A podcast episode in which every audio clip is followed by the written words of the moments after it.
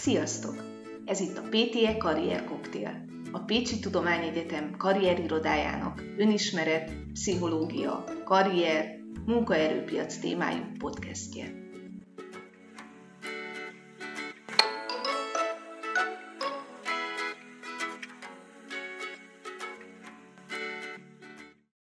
Szeretettel köszöntök mindenkit innen az Unik TV stúdiójából. Engem Magyari Beátának hívnak, és a Karrier Cocktail mai epizódjában egy sokak által legalább ötlet szintjén megfuttatott témáról fogunk beszélgetni, nevezetesen a vállalkozásindításról, annak lépéseiről, kihívásairól, dilemmáiról. Érdemes ebben a nehezített, válságokkal teli időszakban vállalkozni. Való egyáltalán mindenkinek a vállalkozói lét. Milyen lépései vannak, illetve milyen előnyei, buktatói lehetnek. Szeretettel köszöntöm itt a stúdióban Dallos Zoltánt, a DLX Média ügynökség vezetőjét, aki marketing és közösségi média szakember, mentor és előadó is egyben, és nem utolsó sorban az Alkalmazottból vállalkozó című könyv szerzője. Köszönöm szépen a lehetőséget. 2012. júniusában pont 10 éve volt, hogy mérlegre tettél mindent, és úgy döntöttél, hogy felhagyod ezt a biztonságos alkalmazotti létet, és kipróbálod a vállalkozást. Mivel foglalkoztál azelőtt, és minek hatására váltottál? Uh-huh. Hát nekem két ilyen nagy hullám volt az életemben, valóban az egyik az tíz éve volt.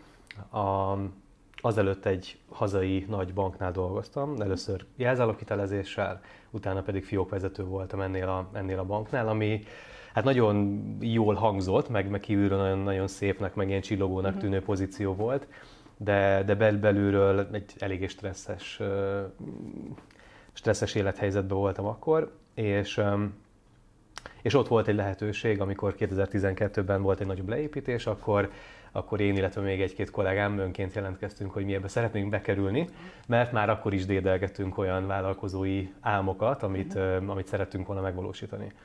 Viszont ez az első próbálkozás, ez nem volt sikeres. Én 2013 végén, azt hiszem, tehát egy ilyen másfél uh-huh. évvel később én visszamentem dolgozni uh-huh. még, még három évet, és 2016-ban volt az, amikor végleg sikerült így, így elszakadni a, az alkalmazotti léttől, és azóta, azóta tart ez a vállalkozói kísérletezés. Én ezt mindig így szoktam mondani, mert itt sosincs olyan, hogy valamikor megérkezik az ember, hanem így folyamatosan kísérletezik ezzel, a, ezzel az életformával. Gondolom így a döntés előtt azért te is csomó mindent latba vettél, dilemmáztál, és így, akár így a saját tapasztalatodból kiindulva, meg már azért pár induló vállalkozást így végig tudtál követni. Hogy látod, milyen belső gátakat, úgymond akár korlátozó hiedelmeket uh-huh. kell leküzdenie annak, aki vállalkozóvá szeretne válni? Hát szerintem az egyik, egyik legfontosabb ez a biztonságra való törekvés. Uh-huh. Nyilván ez így, ez így evidensnek tűnik, hogy ha megszokta valaki azt, hogy minden hónap, nem tudom, ötödikéig jön az SMS, érkezik a fizetés, kiszámítható, ugyanakkor összeg, és tényleg van egy biztonsági háló alatta, hogy el tudja azt képzelni, hogy, hogy ez nem lesz. Uh-huh. Mert azért vállalkozóként nagyon sokszor van, hogy, hogy teljesen ingadozó az embernek a bevétele és hektikus. Vannak ilyen félmegoldások, tehát hogy a kettő közötti utat is lehet választani. Nekem több olyan ismerősöm vagy mentoráltam is volt, aki mondjuk egy nagy megbízót szerzett magának, uh-huh. és mondjuk az az idejének a felét kitöltötte, tehát mondjuk, hogy volt egy szint egy félállása, uh-huh. és a másik fél felé, itt, fél így van, és a másik felében pedig kísérletezett, uh-huh. és ezáltal volt egy pici biztonság, de mégis volt szabadság mellette. Tehát, hogy szerintem ez nem egy, nem egy fekete vagy fehér uh-huh. döntés, hanem nagyon sok átmenet van, és nagyon sok lépés van a kettő között, amit meg lehet fontolni. De mindenképpen ez az első szerintem, hogy mennyire bírja valaki azt, hogy, hogy folyamatos változás van körülötte, vagy mennyire ragaszkodik egy, egy megszokott biztoshoz. Uh-huh. Szerintem ez mondjuk talán az első ilyen, ilyen válaszút. Ez kicsit válasz arra is, hogy való-e mindenkinek a vállalkozó. Hát szerintem nem. nem. És talán azért is látszik, hogy sokkal több alkalmazott uh-huh. van talán ma is, hogyha ha megnézzük összességében uh-huh. a, a lakosságot, mert, mert ezt, ezt, ezt, ezt kevesen bírják. Ez is egyfajta stressz, ez is egyfajta kiszámíthatatlanság. Abszolút. És hogy látod, milyen kompetenciákkal, tulajdonságokkal uh-huh. kell rendelkeznie egy vállalkozónak? Ahhoz, hogy, hogy Isten sikeres legyen. Illetve melyik az a tulajdonság vagy kompetencia, ami fejleszthető, uh-huh. illetve mi az, ami hiánya, azt uh-huh. mondom, hogy így kizárók lehet. Itt említetted azt, hogy aki nem bírja a változást, vagy ezt a, a stabilitástól ö, ö, függ egy picit, akkor az is nehézséget tud okozni. Abszolút, és pont azt akartam említeni az előbb, hogy, hogy a másik, én azt látom nagyon sokszor, hogy valaki mondjuk úgy kezd egy vállalkozást, hogy ért nagyon jól a, a szakmájához, a szakterülethez, de vállalkozóként nem csak arról szól, hanem azt be is kell tudnunk csomagolni. És nagyon sokszor ez hiányzik, hogy mondjuk ő egy szuper jó könyvelő, de nem tudja eladni magát. Ő egy szuper jó, nem tudom, coach, mentor, tanácsadó, de nem tudja eladni magát. Mm. És tehát, hogyha nekem egyet kéne tanácsolnom, vagy kiemelni az összes képesség közül, akkor ez a kommunikáció és, és értékesítés Aha. lenne, hogy, hogy, hogy, hogy egyáltalán fel tudja hívni magára a figyelmet. És nagyon sokan, talán ez így mondhatjuk azt, hogy így a magyarságban bele van kicsit kódolva, hogy még azt se tudjuk eladni, amiben jók vagyunk. Tehát, hogy nem tudjuk jól kiemelni a, a, azt, hogy mi az erősségünk, miért jó neked az, hogyha ha mi üzletelünk, míg mondjuk, ha megnézzük az amerikai példát, ott meg pont a fordítottja van, hogy ott meg azt is eladják, ami nincs. És De ez habitus vagy tanulható? Ezt azért fejleszthető? Szerintem tanulható, fejleszthető mm-hmm. mindenképp, és hogyha tényleg valaki szeretné magát, akkor szerintem ez az első, amit, mm-hmm. amit érdemes. Építsen kapcsolatokat, menjen el rendezvényekre, gyűjtsen olyan ismerősöket, akik tényleg olyan hatásközpontok, mm-hmm. hogy sok embert ismernek mert szerintem ezen nagyon-nagyon sok múlik így a vállalkozói létbe, és persze kell az, hogy valaki értsen a szakmájához, de hogy ez egy ilyen alapelvárás, de azon túl igazából a sikerre szerintem az kell, hogy, hogy láthatóak legyünk. Uh-huh. Említetted, hogy eladni magunkat. Érdemes, hogy a vállalkozásunknak, a piacon szeretnénk megmutatni magunkat, legyen egy márkája, egy brandje. Ugyanakkor itt vagyunk mi, és mi is képviselünk egyfajta értéket, ami valahogy ez a személyes márkánknak ugye a része. Hogy látod, mit gondolsz arról, hogy ha valaki elkezd egy vállalkozást, mire kell először a fókuszt helyeznie? Céges márka, vagy személyes márka? Mit építsen legelőször? Hát mind a kettő nagyon fontos, viszont hogyha megnézzük azt, hogy ki jut eszedbe előbb, ugye uh-huh. egy, mhm. egy cég, vagy, vagy, egy, vagy, egy, vagy egy ember, vagy egy személy, vagy ha megnézzük akár a, a nagyon sok esetben egy kis cégnél, és például ez nálunk is látszódik, hogy az én személyes profilomat kb. Uh-huh. 10-20-szor annyian követik, mint a, mint a cégest. Uh-huh. Tehát, hogy szerintem Szerintem érdemesebb személyes márkát építeni, vagy személyes márkát is építeni, és talán az elején még arra jobban helyezni a hangsúlyt. Nekünk az első három év az arról szólt, hogy csak az én személyes uh-huh. profiljaimon kommunikáltam, vagy kommunikáltunk. És talán pont ezért, mert az emberek jobban tudnak kapcsolódni egy másik emberrel. Jobban kialakul egy bizalom két, két bizalom, ember között, mint hogy most van egy ilyen névtelen logó, uh-huh. XY Consulting Kft., és uh-huh. hogy az úgy, az úgy semmit nem mond igazából. És persze egy bizonyos szint fölött már mondjuk egy, egy OTP-be azért mész be, mert a logót felismered, egy McDonald's-ba egy Nike cipőt azért veszel föl, mert, mert számítasz egyfajta minőségre, vagy állandóságra, vagy státuszt ad, de hogy ott már a márkához ragaszkodsz. De ahhoz szerintem azért nagyon magas szintet át kell ütni, hogy az már átváltson, és a céghez a márka miatt jöjjenek oda. De mi most pont, pont ebben a váltásban vagyunk, hogy nem elengedve a személyes kommunikációmat, hanem mellé erősíteni a cégest, mert ugye pont az is egy veszélye viszont a, a személyes kommunikációnak, hogyha nagyon ragaszkodnak az emberhez utána. Uh-huh. Tehát, hogy mondjuk mindig, mindig te vagy a középpontban, és, uh-huh. és, tőt, és hozzád akarnak jönni tanácsadásra uh-huh. például. De és te, belőle csak egy van. Így van, és véges az energiád. Uh-huh. De ha megnézzük, ezt nagyon sokan csinálják úgy, hogy ő van a kirakatban, ő, ő az arca a cégnek, de mégis az mindenhol le van fektetve, hogy utána már nem, nem velem fogsz kapcsolatban lenni. És az nálunk is így van, hogy figyelek mindenre, meg segítek a stratégiába az ügyfeleknek, meg nyilván ott vagyok a tárgyalásokon, de operatívan már nem én, nem én csinálom, az nem is, nem is lenne elvárható szerintem, hogy, hogy mindenhez értsen az ember. David, a személyes márkád, meg a követői bázist, ugye neked is azért van a YouTube-on egy stabil 6000, közel 6500 követői bázisod, illetve a Facebookon is 4000-en követnek.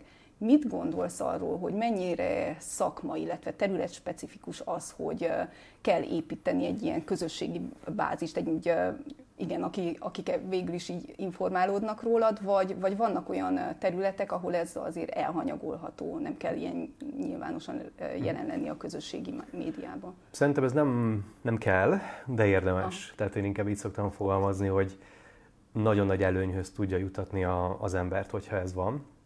És ennek a számossága vagy a mértéke az, az igazából teljesen mindegy, mert hogy engem követ 200 ember, de az 200 olyan, aki, aki nekem potenciális partner, vagy, vagy ügyfél, vagy munkatárs, akkor, akkor már az is, az is elég. Tehát a számossága az mindegy, erről van is egy, egy ilyen kis, hát nem könyv, de egy ilyen rövidebb um, írás, a, ez a 1000 True Fans nevű egy novella, vagy nem is tudom pontosan micsoda. Ez pont arról szól, hogy ha van valakinek ezer ilyen true fan, tehát ezer igazi uh-huh. rajongó, igazi követő, hogy az már bőven-bőven adhat egy, egyfajta megélhetést, hogyha ők mondjuk minden évben vásárolnak tőled egy 10 forint értékű terméket, vagy 20 forint, akkor ki lehet számolni, hogy ez úgy nagyjából már elég is uh-huh. egy megélhetésre. Tehát, hogy ez nagyon csalóka, és a mai világban ez a óriási nagy követőtábor, és hogy sokszor beszélünk a cégekkel, hogy, hogy mi a céljuk, hogy legyen sok like, de hogy ez nem jó cél. Nem, nem, nem az, a, nem, az, az egy, egy mérőszám a, a mhm. sok közül, hogy hány mhm. követő van, vagy hány like van, ez egy, egy jó tükör, de nem biztos, hogy az a legfontosabb, mert, mert nem mindegy, hogy milyen annak a minősége. Tehát, hogy ez, ennek meg, megvan a veszélye, hogy, hogy kicsit elviheti így a, az ember fókuszát. Én mindig azt mondom, hogy én igazából nem akarok ilyen milliós nézettséget, meg százeres követőtábort, mert, mert akkor nyilván felhígulna nagyon. Nekem pont az, az egy tök nagy érték ebben a mondjuk ebben a 6000 fős YouTube közösségben, hogy a videóknak a megtekintés ideje extra magas. Tehát, hogy most kiteszünk egy interjút, akkor azt ilyen 15-20 percig átlagosan nézik. Az nagyon-nagyon soknak nagyon, számít. Igen, abszolút. És hogy nekem ez a, ez a, ez a mérőszám sokkal-sokkal uh-huh. fontosabb, mint hogy hányan követnek. Nyilván, hogyha már ez egy ilyen szponzorációs együttműködés, uh-huh. vagy ilyesmi lenne, hát ott, ott nyilván ezeket a számokat nézik, Aha, de csalóka. Értem. Tehát olyan tartalmat is tudtok gyártani, hogy ez, ez is Hát, hogyha kell, akkor igen, de azért nem vagyunk jó példa erre, vagy azért kevesen keresnek meg még, mert, mert hiszen tényleg nem tudunk felmutatni uh-huh. óriási nagy követőtábor, de nem is akarunk feltétlenül. Tehát nekünk nem ez a Nem, ez nem a, a mennyiség, hanem a minőség. Inkább, inkább, inkább igen. Uh-huh. Vagy például még egy példát, ha mondhatok, hogy hogy hiába egy nagyon picike cég vagyunk, és tényleg az elején vagyunk az egész építkezésnek, ugye most három éves lett a, a KFT, amiben uh-huh. van jegyezve, de három év alatt több mint 600-an jelentkeztek hozzánk. Tehát ez is egy olyan mérőszám, hogy, hogy mégis kifelé ez ilyen vonzónak tűnik, és, és ez tetszik a, a, az embereknek, és talán pont azért, és nagyon sokan említik meg, hogy, hogy attól mert személyes. Uh-huh. Azért, mert, mert az, hogy a karrier oldalon van egy videós bemutatkozó, sőt kettő. És ott pontosan elmondjuk, hogy hogy működünk, hogy, hogy mit kell tudni a cégről, milyen, milyen munkák vannak nálunk. Tehát átláthatóak vagytok, igen, igen, igen. És ki, ki, kialakul egyfajta bizalom, és sokkal uh-huh. személyesebb, mint amikor tényleg valami állásportálon így kvázi névtelenül jelentkezik valaki egy, vagy ismeretlen céghez például. Abszolút ebben egyetértek. Mm, picit most visszakanyarodunk, hogy például van valakinek egy nagyon jó ötlete, és abból szeretne így elindulni, és egy vállalkozást indítani. Tudom, hogy van-e erre ilyen általános recept, forgatókönyv, ami alapján így el lehet indulni, vagy olyan mérföldkövek, mint például így ilyen indítottuk akár a közösségi médiaban való megjelenést, amiket érdemes követni, nem, vagy nem szabad úgymond kihagyni. Uh-huh. Hát szerintem egy első lépésekben mindenképpen uh, szerintem az egyik legnehezebb, hogy megtalálni azt, hogy mivel foglalkozzon az ember. Legalábbis ne, nekem, nekem mindenképpen az, hogy az volt, ötlet, mert... Hogy mi legyen az? Vagy, vagy túl az sok ötlet túl, van. Vagy túl sok, vagy túl sok van. van. Tehát Aha. ugye vagy, vagy az, hogy még, még nincs meg teljesen, hogy abból hogy lesz pénz, abból Aha. a gondolatból, Aha. vagy pedig megvan, és mondjuk túl sok van. Én, én inkább a második Aha. problémával küzdöttem sokáig, hogy minden érdekel, nem akarok kimaradni semmiből, mindenbe bele akarok uh-huh. kezdeni, és ugye ez is probléma, mert szétforgácsolja az ember a, az energiáit és nekünk is kellett sok-sok év, kb. most arra érzem azt, hogy, hogy nagyjából most már tudjuk tartani a mhm. fókuszunkat, de most is mindig, mindig jön a, a, a csábítás, hogy valami új dologban bele kéne kezdeni. És neked Csak... mi segített, amikor mondtad, hogy ennyi ötleted volt? Nekem a járvány, nagy, a járvány nagyon sokat segített. A, járvány, a járvány uh-huh. igen, mert hogy akkor nem lehetett nem lehetett rendezvényt szervezni, nem lehetett ügyféltalálkozókat, egy csomó mindent kiesett, és közben jött az igény az ügyfelek részéről, uh-huh. hogy mivel járvány van, ők is akarnak kommunikálni mhm. videóban. Uh-huh. És ugye egyszerűen ez így megteremtette azt az utat, amit, amit most járunk, és, uh-huh. és most csak ezt. És hát kell egyfajta nagy, nem tudom, önkontroll hozzá, hogy jön a lehetőség, és akkor meghallgatom, jó hangzik, de most, de most nem szeretnénk vele élni. Uh-huh. Akkor nektek végül is ez a járványos időszak az most Nekünk sokat segített, igen, mondhatjuk így. Uh-huh. De szerintem az egyik ez az egyáltalán mit, mit, mit csináljon az ember? Mi az, amiben tényleg üzleti lehetőség is van, amit szívesen csinál a vállalkozó? Tehát szerintem az nagyon fontos, hogy, hogy tényleg az legyen a hobbija, uh-huh. az legyen, a, amihez ért, szívesen uh-huh. csinálja, és pénz is van benne, és valahogy ennek a három körnek a metszetét megtalálni. Szerintem érdemes valahol ott a, tényleg a, a hobbinál kezdeni, amikor voltak ilyen, ilyen jellegű mentorálások, akkor mindig azzal a kérdéssel kezdtük, hogy mit csinálna, hogyha nem fizetnének, vagy hogyha korlátlan pénz állna rendelkezésére, Aha. akkor mit csinálna reggeltől estig, mivel, mivel tölteni a napjait. Uh-huh. És hogy valahol én ott keres, keresgélnék annál a tevékenységnél, hogy tényleg mi az, amiért égővágyjal kell föl az ember minden egyes nap. Uh-huh. Abszolút, ez azért, ha a szívünkre rakjuk a kezünket, és azt mondjuk, hogy akármikor, ha nem fizetnének, akkor is csinálnám, akkor, akkor ez így jó iránymutató lehet. Abszolút, és biztos vagyok benne, hogy szinte mindenből uh-huh. lehet megélhetést varázsolni. Tehát, hogyha uh-huh. valaki azt mondja, hogy, hogy az utazás, az tök uh-huh. jó, én is nagyon szeretek utazni, annak is nagyon sok formája van, hogy hogy lehet belőle pénzt csinálni. Uh-huh. Nézzük meg az utazó majom vállalkozást. Ma már mindenki ismeri Igen. Magyarországon. Igen. Meg rengetegen vannak még, akik erre, erre csináltak üzletet. Úgyhogy vagy sport, arra is lehet olyan, lehet online magazint építeni mondjuk az adott témaköré, és akkor szponzorációból megélni, hogyha valaki tényleg nagyon jól oda tud figyelni az emberekre, és ugye tényleg mindig azt a visszajelzést kapja mondjuk, hogy milyen, milyen jó hallgatóság, akkor lehet, hogy neki pont ez a coaching, tanácsadói, mentori vonal lehet jó, és abból is vannak, akik jól meg tudnak élni. Úgyhogy, de mondom, szerintem mindenhol az a lényeg, hogy jól becsomagolja az mhm, ember a, mhm. a tudását, és el tudja adni. És egyébként most ma Magyarországon vannak ilyen támogatások fiatal vállalkozások részére, vagy tudnál egy-két olyan szervezetet, szakmai közösséget mondani, akik így segítenek így az elindulásban? Ez, ez mindig változó, ugye vannak ilyen regionális támogatások uh-huh. is, van ami, van, ami ugye abszolút attól függ, hogy, hogy hol van a vállalkozónak a székhelye vagy lakóhelye, ugye általában ebből a Budapest-Pest megyei régió többször kiesik, okay. tehát vidéken általában több a, több a lehetőség erre erre most konkrétat nem fogok tudni mondani, uh-huh. de, de érdemes körülnézni a, a, a, a támogatások pályázatok körébe. Bár én ezzel mindig úgy vagyok kicsit, hogy csalóka. Vagy van számodra olyan könyv, akár ilyen szakmai könyv, amit így tudnál ajánlani? Abszolút, azt is szívesen. A, a pályázattal csak egy, egy gondolat, hogy tehát az egy nagyon picit csalóka, hogyha ha azzal indul az ember, tehát jobb, hogyha teljesen piaci alapon is meg, meg tud, fent tud maradni az a vállalkozás, és egy picit ott lehet, hogy eltéríti az embert ott az első egy évben, hogy, hogy neki még nem kell bevételt termelni, mhm. hiszen még kap, mhm. kap támogatást, és lehet, hogy egy picit nem annyira, hogy mondjam, tehát lehet, hogy elkényelmesedik az ember abban az első... Igen, nem, igen, igen, igen, igen, igen, mert tehát ebben van egy, egy ilyen fajta veszély is, de az tény, hogy sokaknak ez segített mondjuk elindulni. Te említetted a veszélyeket, még milyen egyéb veszélyt látsz így a vállalkozás indítással kapcsolatosan, uh-huh. vagy milyen buktatói lehetnek, amire esetleg így előre már azt mondod, hogy fel lehet rá készülni, akár uh-huh. most így a gazdasági válság idején, nem tudom, hogy olyanok, ami, ami előre látható, vagy be tudod magadat uh-huh. biztosítani Fú, rengeteg, rengeteg, rengeteg ilyen van, rengeteg ilyen van. Kezdem azokkal, ami talán nem, nem annyira időhöz kötött, tehát most nem konkrétan egy uh-huh. recesszió vagy egy válsághoz kötött, hanem úgy általánosságban a vállalkozás kapcsán.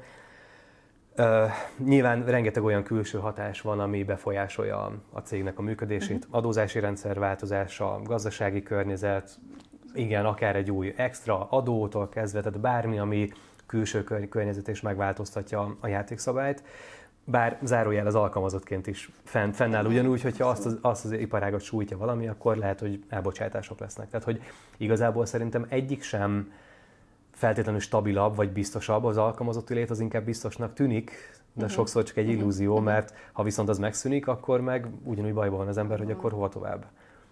Tehát, hogy mind a kettőben van azért egyfajta veszély, de nyilván a munkatörvénykönyve az alkalmazottakat azért jobban védi, uh-huh. mint egy vállalkozót a szabadon megkötött szerződések. Vállalkozóból, ahogy te is csináltad, még van azért mindig az az út, hogy elmehetsz alkalmazottba, ha véletlenül Igen, minden kötél szakad. Pont ezt akartam mondani, a másik kockázat, hogyha ha nem úgy megy, ahogy kell, akkor tehát saját magunkban azt uh, tudatosítani, vagy elfogadni, hogy benne van a pakliban, hogy vissza kell ülni.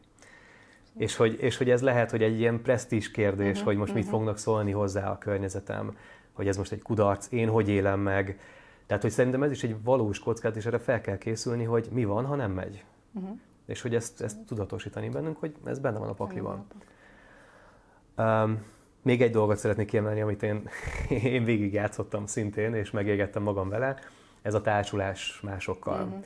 Ugye ma a a vállásoknak az aránya a magánéletben ott ilyen 65% körül van, tehát ott, ott is elég magas, de a cégeknél a, a, a vállás, vagy hát ugye eleve a, a, a csődnek az aránya, az még magasabb. Tehát ott ilyen 10-ből 9 cég az, az megy a sülyeztőbe. És hogy nagyon érdemes megfontolni az, hogy kivel, kivel kezdünk el vállalkozni, kivel társulunk. Uh-huh. Ennek lehet előnye is, meg hátránya is. Az előnye nyilván az, hogy valaki meghallgat, és közösen gondolkozunk, és van kivel megbeszélni. Viszont a hátránya, én azt látom, hogy többször van talán inkább hátránya, hogy mi van akkor, hogyha az élethelyzetünk az nagyon, nagyon másfelé megy a jövőben. Uh-huh. Mi van akkor, hogyha ő el akar menni egy földkörüli útra, én viszont dolgozok napi 20 uh-huh. órában. Uh-huh. Mi van akkor, hogyha neki hármasikra is születnek, nekem pedig nem, és nekem van időm dolgozni, az üzlettársamnak nincs. Tehát, hogy ezt nagyon érdemes tisztázni az elején, hogy ki mit vállal mondjuk egy, egy együttműködésben. Működhet jól, csak ezeket nagyon-nagyon-nagyon le kell fektetni, mert, mert sajnos benne van a pakliban, hogy, hogy ez később derül ki, hogy hát mégsem működik annyira jól, és akkor meg már nagyon nehéz elválni egy közös vállalkozásból. És Tehát jól én, elválni. Én, én sajnos több, több, több csúnyább válást hallottam, uh-huh. mint, mint szépet így a vállalkozói létben is. Ez valóban, ahogy mondod, ezt tényleg. Egyszerűen ez is egyfajta kock... nem tudom, ez picit rútri vagy emberismeret kell hozzá. Abszolút, de hogy ez is egy kockázat, és hogy erre is, ugye az összes kockázat igazából addig baj, ameddig nem készülünk fel rá. Uh-huh. Tehát mi most például pont a, a cégnél egy ilyen nagyon hosszú kockázatkezelési ilyen listát gyártunk éppen, és próbáljuk azokat végig gondolni, hogy tényleg mik lehetnek kockázatok a, a későbbiekben. Uh-huh. De ez akár fizikai kockázat betörnek az irodába, nem tudom, leég, bármi káresemény történik. Murphy nem alszik. Vagy, vagy, vagy mondjuk HR kockázat. Tehát mi van akkor, hogyha tehát a kollégákkal kapcsolatos, bárkivel bármi történik, elmegy, felmond, kiesik, nem tudom, teherbe esik, tehát mm-hmm. bármi történhet nyilván a, a, a kollégákkal is, ami miatt mondjuk valaki kiesik, ez is egy valós kockázat, amire fel kell készülni adatbiztonság. Ma már ugye egyre többen dolgoznak így a felhőben, távolról, hogyan védik az adatokat, uh-huh. mi van, ha ott kiszivárok bármi. Tehát rengeteg, rengeteg, rengeteg olyan kockázat van, amire nekünk vállalkozóként mi felelünk érte. És ez, ez egy nagyon nagy különbség szerintem a két életforma között, hogy itt, itt felelősséget kell vállalnunk. És itt mi vagyunk a felelősek mindenért. Itt nem bújhatunk el uh-huh. a mhm. társosztályok mögé, hogy hát, de hát ez nem, nem a mi dolgunk. Igen, amit mondasz, ez a fele, abszolút Igen. felelősség az nagyon és ahogy visszatérve ez olyan tulajdonos, akkor van, aki megbírja, és van, aki igen. kevésbé. És például érdekes például, hogy ha, ha valamelyik kollégám um, valamit elrontott, akkor alapvetően az az én felelősségem, uh-huh. és hogy szerintem így kell hozzáállni, mert A, vagy, ne, vagy nem jó embert választottam arra a pozícióra, vagy nem képeztem eléggé, és nem, nem volt egyértelmű utasítás, amit adtam, hogy, uh-huh. hogy pontosan mit kell csinálni. És amúgy nagyon sokszor van, hogyha megnézzünk mondják azt, hogy jaj, mert a kollega nem tudja megcsinálni, mert, mert nem képes rá a kollega, stb. Csak sokszor nem, nem nézünk magunkba, hogy biztos, hogy, biztos, hogy jó utasítást adtam? Uh-huh. Biztos, hogy elég pontosan leírtam, elmondtam, hogy mit, mit, mit kell csinálni? Uh-huh. Tehát először magunkban Először vizsgál, csináljunk önvizsgálatot, igen, mert... Igen, ez egy nagyon hasznos tanács egyébként, igen. Valóban. Igen. Mm. Mit gondolsz mostanában, így 2022-ben, melyik a legnépszerűbb vállalkozási forma, vagy te személy szerint milyen vállalkozói, akár adózási típust ajánlanál a fiatal vállalkozóknak, vagy aki vállalkozást hm. szeretne indítani? Nem vagyok adószakértő, tehát Jó, hogy ilyen az adózás tanácsot nem, nem adnék, viszont nyilván ez a kisvállalkozói adó, ez a kata, ez ugye ma még mindig nagyon népszerű bár ugye most rebesgetik, hogy ugye jövőre biztos, Igen. hogy fog, fog változni, de a, hogyha valaki tényleg az elején van, és főleg szolgáltatóként, tehát hogyha ha valaki a tudását és az idejét adja el tanácsadóként, konzultáció, tréningek, tanfolyam, tehát bármilyen ilyen szellemi mm. munkát, és, és ezt, ezt próbálja eladni vállalkozóként, akkor ez a legjobb megoldás. Most az, az szinte biztos, mert tényleg nagyon alacsony adózás, vagy fix adó mellett viszonylag magas jövedelmet tud, tud vele keresni. Nyilván vannak buktatói, vannak hátulütői, például nem annyira számít bele ugye se a nyugdíjba, se a mhm, szolgálati uh-huh. időbe, tehát ugye vannak hátrányai, de mindenképpen az indulást megkönnyíti, hogy, hogy egy kisebb adókulcsal tud elkezdeni uh-huh. dolgozni az ember. Ha viszont valaki mondjuk kereskedik, és ugye mondjuk nyit egy webshopot, vagy, vagy bármilyen termékkereskedelem, akkor elkerülhetetlen, hogy az céges formában induljon. Ott viszont nyilván már sokkal nagyobb költségekkel kell számolnia és ott már, már kell egy, egy bizonyos mértékű forgalmat generálnia, hogy, uh-huh. hogy igazából fent tudja tartani a, a vállalkozását. Most az jutott eszembe, hogy például most, ha egy hallgatót nézzünk, egy hallgató esetét, és már ott van az ötlet, így a gondolat, hogy valamikor, nem tudom, a közeljövőben szeretne vállalkozást indítani, akkor picit így a, a tulajdonságokra egy visszakanyarodva, hogy mit javasolnám, mi az, amit most megtehet annak érdekében, hogy közel kerüljön ehhez a céljához, miben érdemes fejlődnie, illetve, hogy Isten, tudom, egy szakmai gyakorlaton való részvétel, az tudja ezt így segíteni, hogy ezt így döccenőmentesebben tudja ezt megugorni, ezt, ezt az akadályt? Nagyon örülök, hogy ezt megkérdezted, mert, mert szerintem nagyon sok olyan dolog van, amit így nulladik lépésként meg tud tenni az ember, még Ez mielőtt, még mielőtt uh-huh. belevágna, vagy akár már munka mellett, tehát azt is lehet, hogy valaki tényleg elmegy dolgozni valahova, és mondjuk mellette hétvégén, esténként, ebédidőben, hajnalban kicsit dolgozik a vállalkozásán, tehát ez is egy jó, jó irány. De hogyha még hallgató és tényleg abban a szerencsés helyzetben, hogy van ideje bőven, akkor viszont sok mindent meg tud tenni, hogy, hogy közelebb kerüljön. Az egyik, az, amit már említettem, hogy kapcsolatokat építeni. Uh-huh. Tehát menjen el rendezvényekre, menjen el, rengeteg ilyen gyűjtő oldal van, ahol különböző tematikus szakmai rendezvényeket lehet találni, akár Facebookon az események között, akár a, van ez a meetup, meetup.com nevű oldal, uh-huh. ott rengeteg tematikus rendezvény van, lehet, hogy valami nagyvárosba el kell menni, akár Pestre, akár külföldre, viszont sokszor szerintem megéri, mert, mert tényleg nagyon-nagyon gyorsan meg lehet sok embert ismerni. Uh-huh. És szerintem ez, ez is tök fontos, hogy felfigyeljenek mondjuk valakire, vagy lehet, hogy ott találja meg a leendő üzlettársát, vagy, vagy ott el tudja gyakorolni azt, hogy hogy mutassa be az ötletét. És tét nélkül, mert ugye ott még az nem egy verseny, ott senki nem, nem fog vele foglalkozni, hogyha nem, nem, nem úgy adja elő magát, de hogy tudja gyakorolni azt, hogy hogy mutassa be az ötletét, hogy mutassa be magát. Ugye van ez az elevator pitch nevű fogalom, ami igen, ugye igen, pont arról igen, szól, igen. hogy van 30 másodperced, ameddig fölérsz a tizedikre, a lifttel, és hogy mutatkozol be, hogyha éppen be, beáll melléd a, a leendő, nem tudom, befektetőd vagy, vagy valaki. Igen. Tehát, hogy szerintem ez, ez nagyon jó, hogyha az ember keres kapcsolatokat, és, és eljár ilyen rendezvényekre, és mondjuk erre szán valamekkora összeget, időt, energiabefektetést, tehát hogy, hogy, hogy menjen utána az ilyen rendezvényeknek.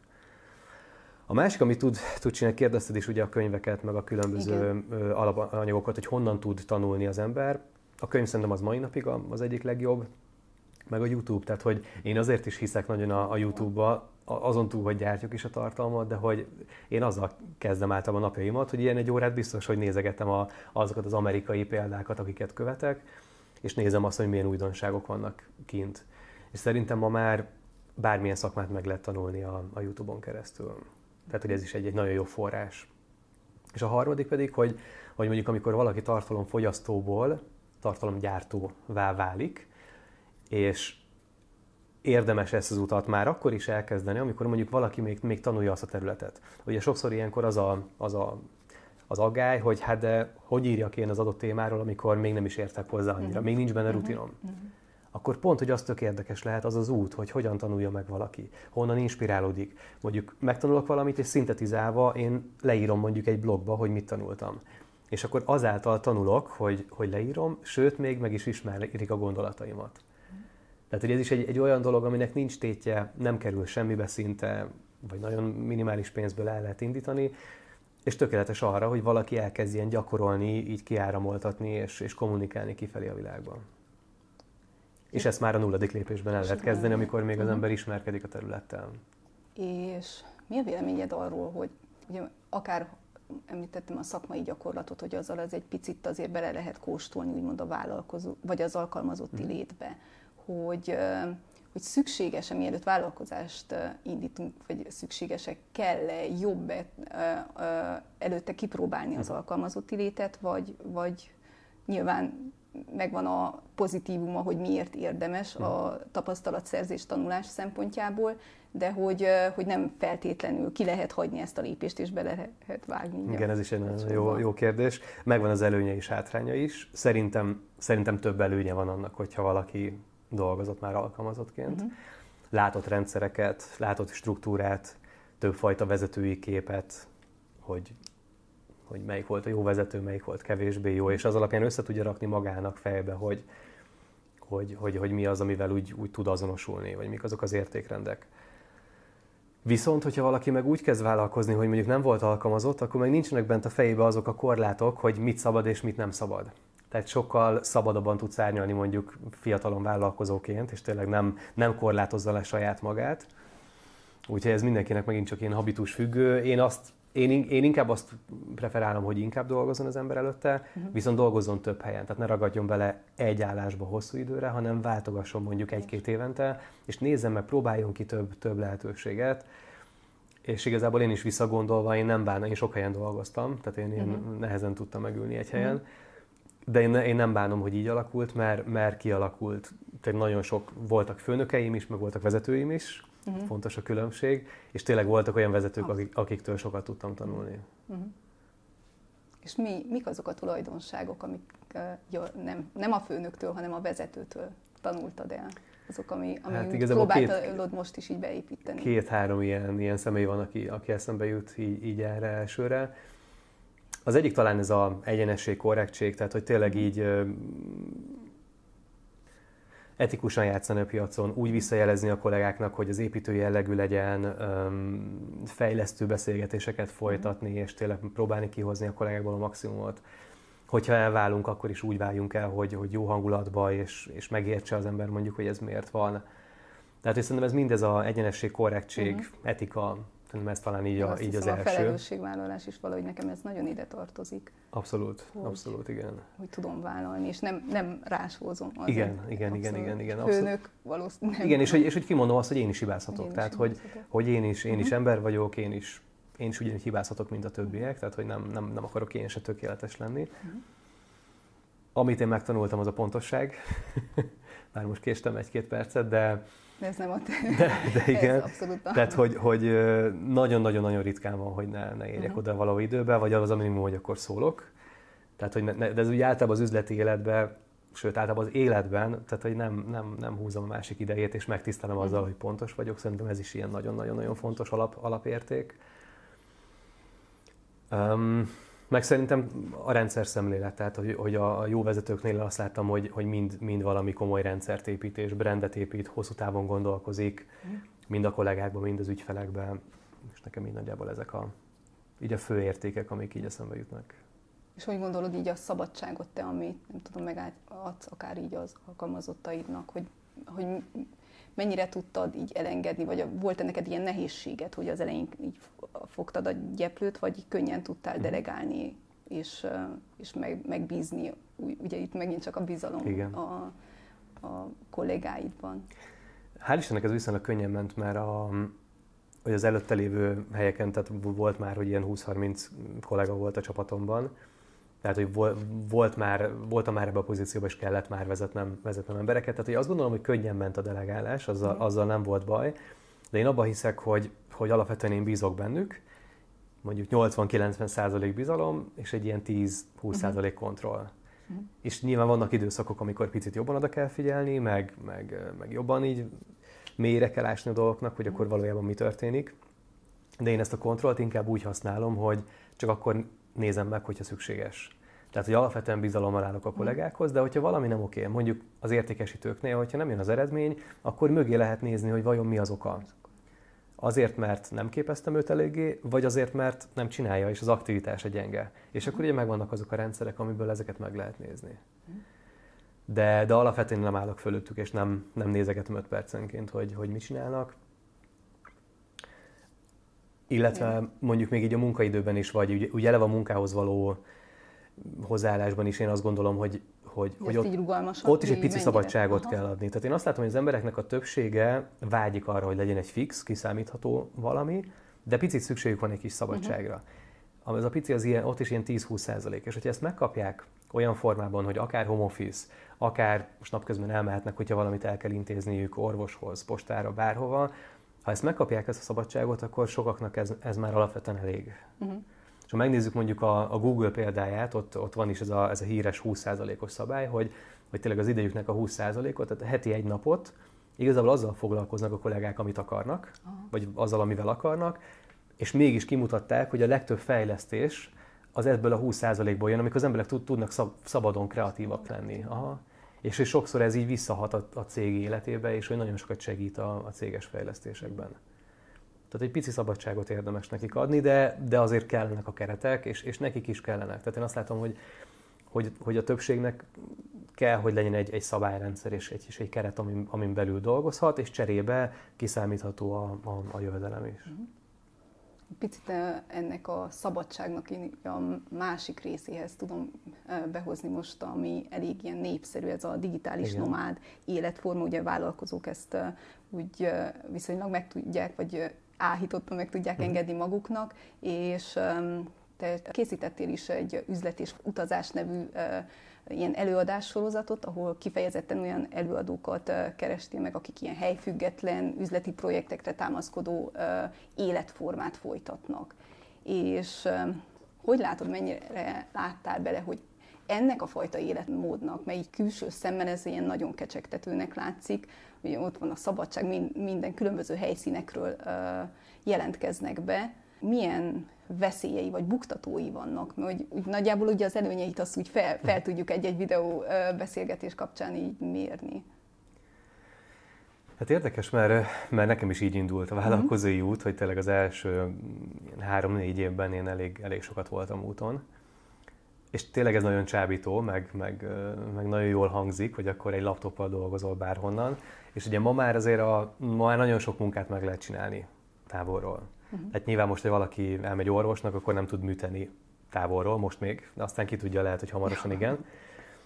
De, de nagyon-nagyon sok szakmát most már meg lehet csinálni távolról. Most igazából ez a beszélgetés is ugye lehetett volna távoli, úgy fel is ajánlottátok, de nyilván egy picit jobb azért ez személyesen, kicsit, kicsit több, van egy, van egy hozzáadott értéke, de nagyon sok mindent meg lehet távolról csinálni. És szerintem az egyik veszélye, és tényleg ezt a közösséget itthon viszonylag jól ismerem, akik ismertebb ilyen utazóbloggerek, tényleg járják a világot mm. egyfolytában, elég jól ismerem őket. Az egyik veszély szerintem, hogy kicsit magányosá válik az ember. Tehát, hogy ilyen vagy ilyen gyökértelenné. Tehát, hogy nincs meg, nincs meg egy ilyen fix bázisod, ahova, ahova hazatérsz. Uh-huh.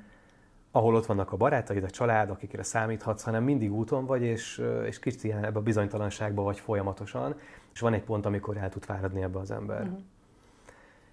Mondjuk ez az egyik ilyen, ilyen veszélye. A, a másik itt is lehetnek ilyen adózási, meg egyéb kockázatok, hogy akkor most hova, hogy itt is vannak olyan szabályok, hogy, hogy, ha, hogy legalább fél évet el kell tölteni az adott helyen, ahhoz, hogy te adórezidens legyél. Tehát erre is, ennek is vannak szabályai, utána kell nézni, hogy, vagy konzultálni adótanácsadóval, hogy erre is milyen szabályok vonatkoznak. Tehát az, az látszik, hogy a világ az nincs felkészülve még azért teljesen arra, uh-huh. hogy, hogy ezt az életmódot lekezelje. Mert azért az államok azok ugye fizikai határhoz kötődnek, és ott el kell dönteni, hogy te neked akkor hol van a székhelyed, hol van a vállalkozásod, hol adózol. Igen, főleg hol adózol. Tehát, hogy, hogy ez, ez is olyan, amit hol van az állampolgárságod, uh-huh.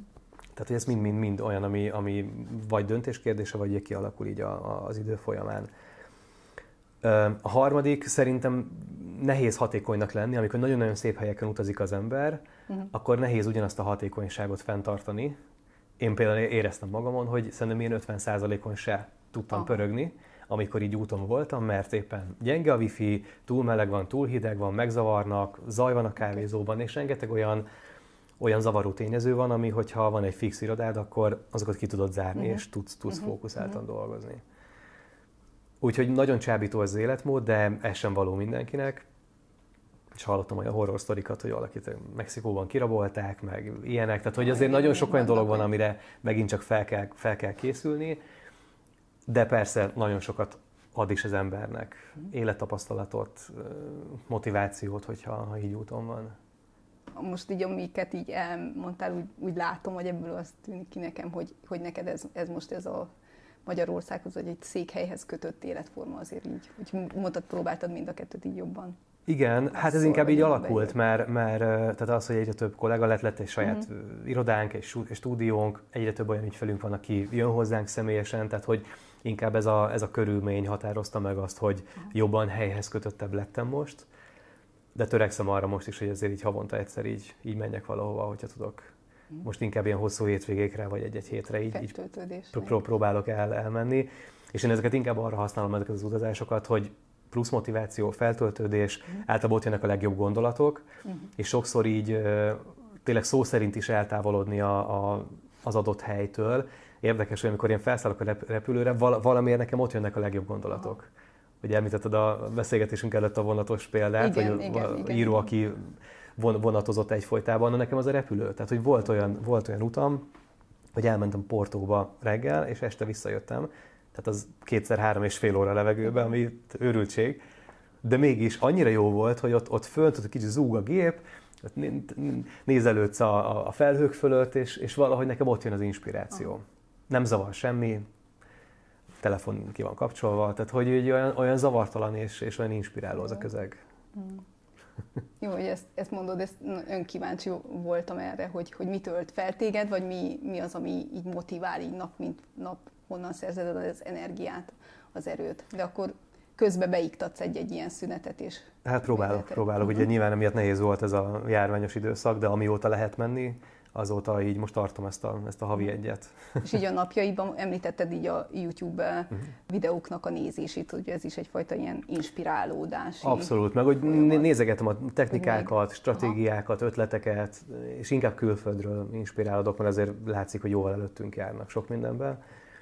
Meg a harmadik a videó készítése is, tehát ö, hasonló interjúkat ugye készítek én is a Youtube-on, és tehát az is nagyon inspirál, amikor, amikor jön egy, egy nagyon jó vendég, és ebből a beszélgetésből próbáljuk a lehető legtöbbet kihozni a vendéggel, úgyhogy neki is, meg nekem is jó legyen. És ez tök inspiráló. Beszélgetésünk végéhez érkeztünk. Köszönöm mindenkinek a figyelmet. Zoltán, neked külön köszönöm, hogy felutaztál Budapestről hozzánk. Remélem, hogy sok hasznos információval, ötlettel szolgáltunk. Minket megtaláltok a PTE Karrieriroda néven a Facebookon, illetve az Instagramon is érdemes követni bennünket, hiszen nagyon sok tréninggel, előadással, workshoppal készülünk az őszi fél évben is, és nem utolsó sorban ez a PTE hallgatói és diplomásai számára ingyenes. Köszönöm szépen a figyelmet Köszönöm még egyszer. Köszönöm. Viszlát, sziasztok!